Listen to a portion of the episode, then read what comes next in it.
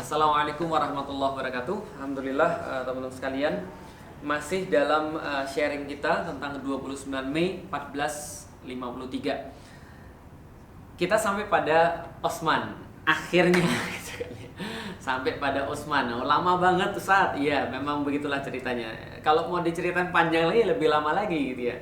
Tapi kita sekarang sudah sampai pada Osman.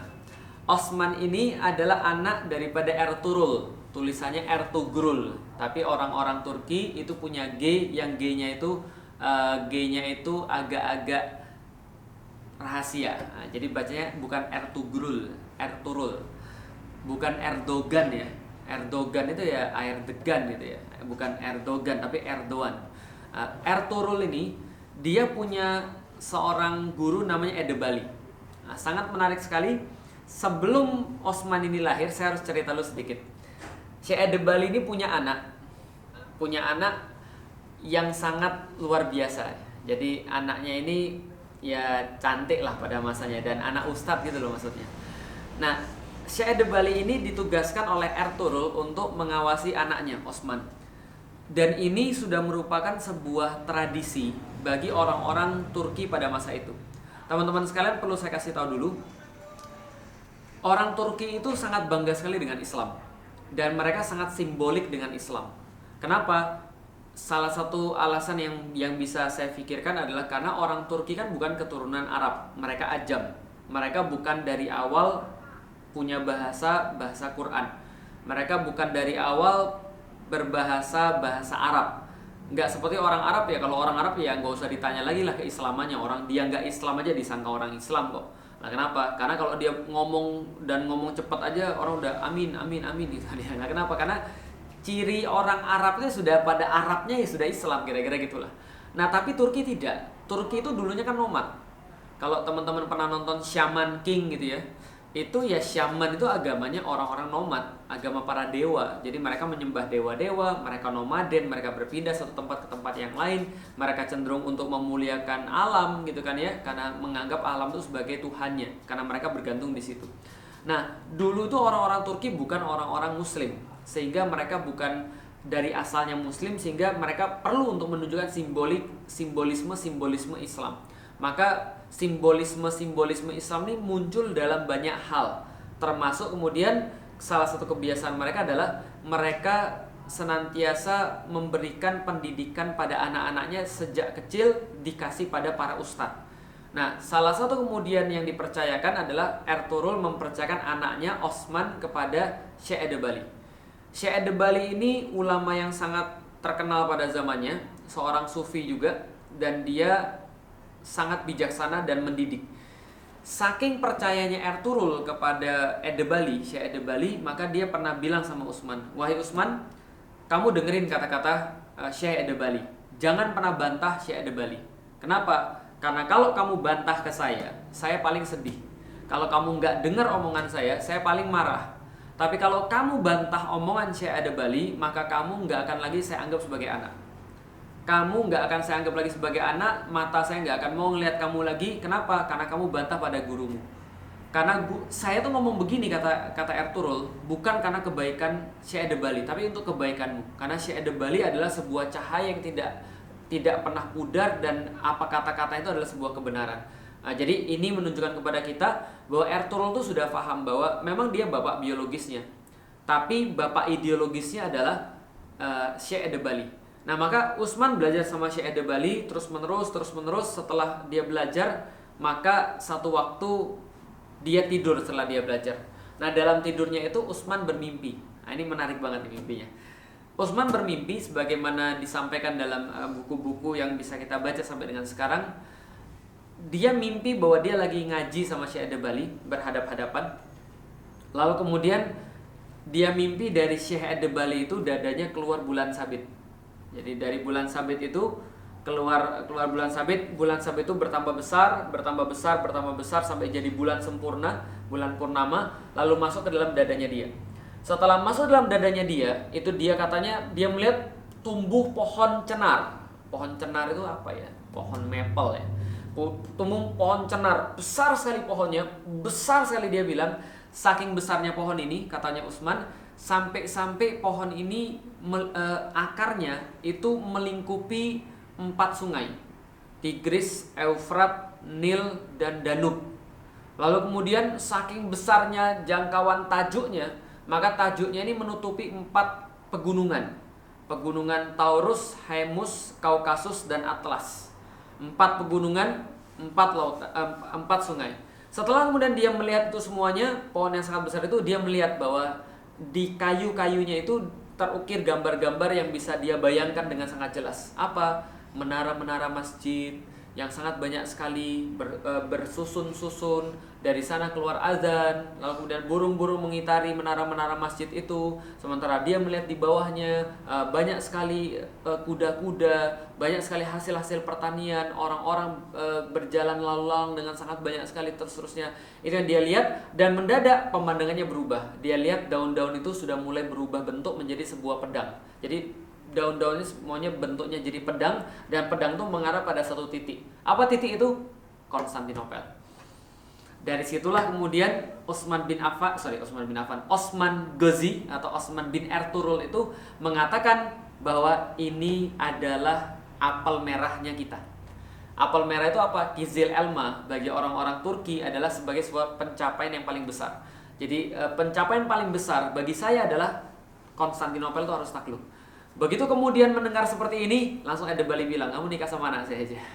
Nah, jadi ini pelajaran bagi para jomblo ya. Jadi kalau anda pengen menikah dengan orang yang tepat itu anda harus punya visi yang tepat, ya.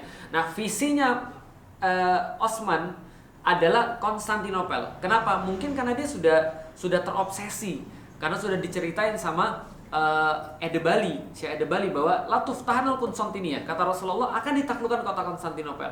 Sebaik-baik panglima adalah dia dan sebaik-baik penakluk uh, sebaik-baik pasukan adalah dia. Maka itu dia internalisasi dalam dirinya dan dia benar-benar pengen jadi pembebas Konstantinopel sampai ke bawah-bawah mimpi dan benar-benar Allah kasih kepada dia mungkin ya sebuah visi yang sangat besar bahwa ini akan takluk Konstantinopel. Maka dinikahkan sama anaknya uh, Syekh Ede Bali dari situlah kemudian punya anak. Nah, punya anak itulah yang namanya uh, yang namanya Orhan Gazi. Nah, jadi Orhan Gazi ini melanjutkan kemudian perjuangan bapaknya. Awalnya Osman Gazi ini melanjutkan kepemimpinan Ertugrul. Uh, Ertugrul ini punya kota di Saud namanya uh, tulisnya Sogut, tapi baca Saud.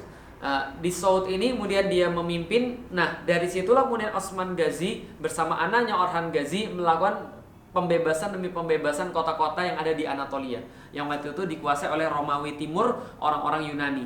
Nah 1326 eh, dua bapak dan anak ini eh, Osman Gazi dan Orhan Gazi eh, ngomong-ngomong kenapa namanya Gazi karena Gazi asal katanya adalah Ghaza. Ghaza itu perang, Ghazi artinya orang-orang yang berperang, mujahid.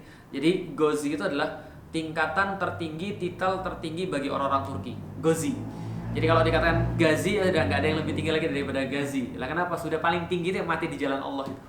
Jadi berperang di jalan Allah sudah paling tinggi, level paling tinggi, titel paling tinggi. Enggak bukan S1, S2, S3, tidak ada gazi. Nah, jadi Osman Gazi, Orhan Gazi ini kemudian sampai pada tahun 1326 di depan kota Bursa. Dulu namanya Prusa. Nah, di depan kota Bursa ini mereka kemudian mengepung kota Bursa, uh, lebih mendekat kepada Konstantinopel karena Osman Gazi pengen menguasai uh, Konstantinopel. Namun dia sudah renta, sudah tua, sakit-sakitan 1326 sebelum dia meninggal dia bilang sama uh, Orhan anaknya. Orhan itu bagus banget ya tempat itu ya. Dia dia berada dari sebuah ketinggian melihat pada bursa di kota Bursa lagi ada satu gereja yang dibangun. Gereja itu kebetulan lagi uh, di di atas kubahnya itu dikasih semacam apa ya? Semacam timbal gitu ya. Sehingga ketika dilihat dari jauh karena bangunan baru itu kayak perak. Lalu kemudian Osman bilang sama anaknya itu bagus banget. Nanti kalau saya mau saya meninggal saya mau dimakamkan di situ. Di bawah tempat yang keperak-perakan itu. Dalam bahasa Turki Gumuslu tempat yang berperak-perakan itu. Maka kemudian ketika itu juga di tahun yang sama Orhan Gazi menguasai kota Bursa setelah itu bapaknya wafat, bapaknya dimakamkan di situ. Tapi Orhan sudah menguasai kota Bursa. Dari kota Bursa itulah Orhan membangun ibu kota Kesultanan Utsmani yang pertama. karena dia sudah menjadi keturunannya Osman, maka dia disebut dengan Osman Usmani, Osmanlı dalam bahasa Turki. Nah, maka kemudian di situlah diletakkan ibu kota yang pertama, Saud ditinggalkan berubah ke Bursa, lebih menuju pada Eropa lagi.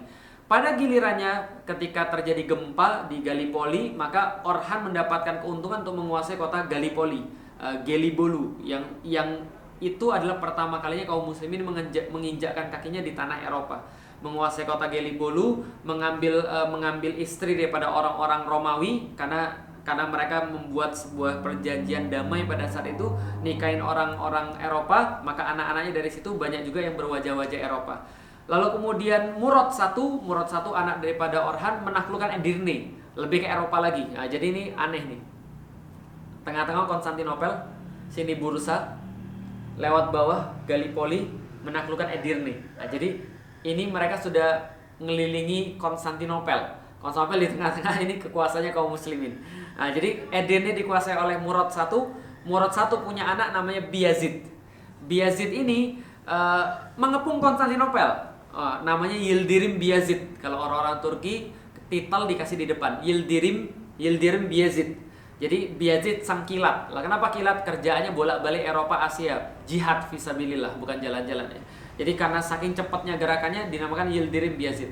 Yildirim Biazid bolak-balik Asia Eropa mengamankan wilayah muslim lalu kemudian melakukan pembebasan-pembebasan dan pada waktu itu dia mencoba untuk mengepung eh, kota Konstantinopel. Mengepung kota Konstantinopel tapi ah ini namanya takdir ya. Ternyata Allah menakdirkan bukan pas dia menaklukkan Konstantinopel. Kenapa? Di ujung sebelah timur muncul lagi seorang pahlawan hebat lagi, orang berani lagi, muslim juga, tapi agak sangar. Nah, namanya Timurlang. Timur Lang ini merangsek ke sebelah sebelah barat, ketemulah dengan pasukannya Turki Utsmani dan waktu itu lagi mengepung Konstantinopel, eh dia malah kemudian uh, mengadakan pengepungan terhadap kota-kota yang ada di uh, sebelah sebelah baratnya kaum muslimin, Bursa dan seterusnya. Terpaksalah Biazid harus balik daripada pengepungan yang ada di Konstantinopel, lalu kemudian mengajak kemudian Timur Lang untuk bertempur, kalah. Ketika kalah di uh, penjara oleh Timur Lang, meninggal di penjara. Nah, kacaulah kemudian Utsmani. Keturunan-keturunan Yildirim Yazid memperebutkan kekuasaan, mereka kemudian berpecah belah dan ini yang diperingatkan oleh Rasulullah Shallallahu alaihi wasallam. Teman-teman saya mau kasih tahu bahwa saya lupa bilang di video yang lalu apa yang menyebabkan kaum muslimin itu bisa dijajah oleh orang-orang salib. Apa yang menyebabkan kaum muslimin itu bisa untuk kehilangan kota Yerusalem? Sebabnya adalah mereka tidak punya persatuan. Bahkan di saat itu bisa uh, terjadi orang muslim itu berkoalisi dengan tentara salib untuk menghabisi saudaranya yang lain. Jadi mereka malah mikir begini, kalau saudara saya ini mengusir tentara salib, nanti bentar lagi dia akan gangguin saya. Pasukan saya bisa mati nih, wilayah saya bisa hilang. Mau mendingan saya kerja sama sama tentara salib untuk kemudian habisin saudara saya. Nanti saya bisa ambil wilayah dia. Sampai kayak begitu ceritanya. Nah, ini yang terjadi ketika masanya uh, Yildirim Biazid ketika meninggal. Orang-orang itu berebut kekuasaan, anak-anak Yildirim Yazid berebut kekuasaan, tapi untunglah Allah belum menakdirkan Kesultanan Utsmani untuk hilang pada saat itu salah satu anaknya yaitu namanya Mehmet I atau Mehmet Celebi atau Mehmet si kecil lalu kemudian berhasil menyatukan kembali seluruh Kesultanan Utsmani maka dikatakanlah beliaulah pendiri kedua daripada Kesultanan Utsmani. By the way, Mehmet Celebi ini juga orang yang kelak nanti akan mengirimkan Wali Songo ke Indonesia pada masa-masa akhir kepemimpinannya pada tahun 1400-an akhir. Jadi 1400-an awal mohon maaf akhir 1300 1400-an awal itu Wali Songo pergi ke Indonesia atas perintah Mehmet Celebi. Mehmet Celebi menyatukan kemudian seluruhnya lalu membangun ibu kota yang ada di Bursa dengan lebih baik lagi lalu kemudian dia punya anak namanya Murad II. Nah, Murad II inilah yang nanti akan bermarkas di Edirne. Murad II itu kemudian punya anak, anaknya namanya Mehmet II. Mehmet II inilah yang kelak akan kita kenal dengan nama Muhammad Al-Fatih tokoh utama di sini insya Allah ya. Tapi nggak hari ini kita bahas, nanti kita bahas lagi dalam pertemuan yang lain. Assalamualaikum warahmatullahi wabarakatuh.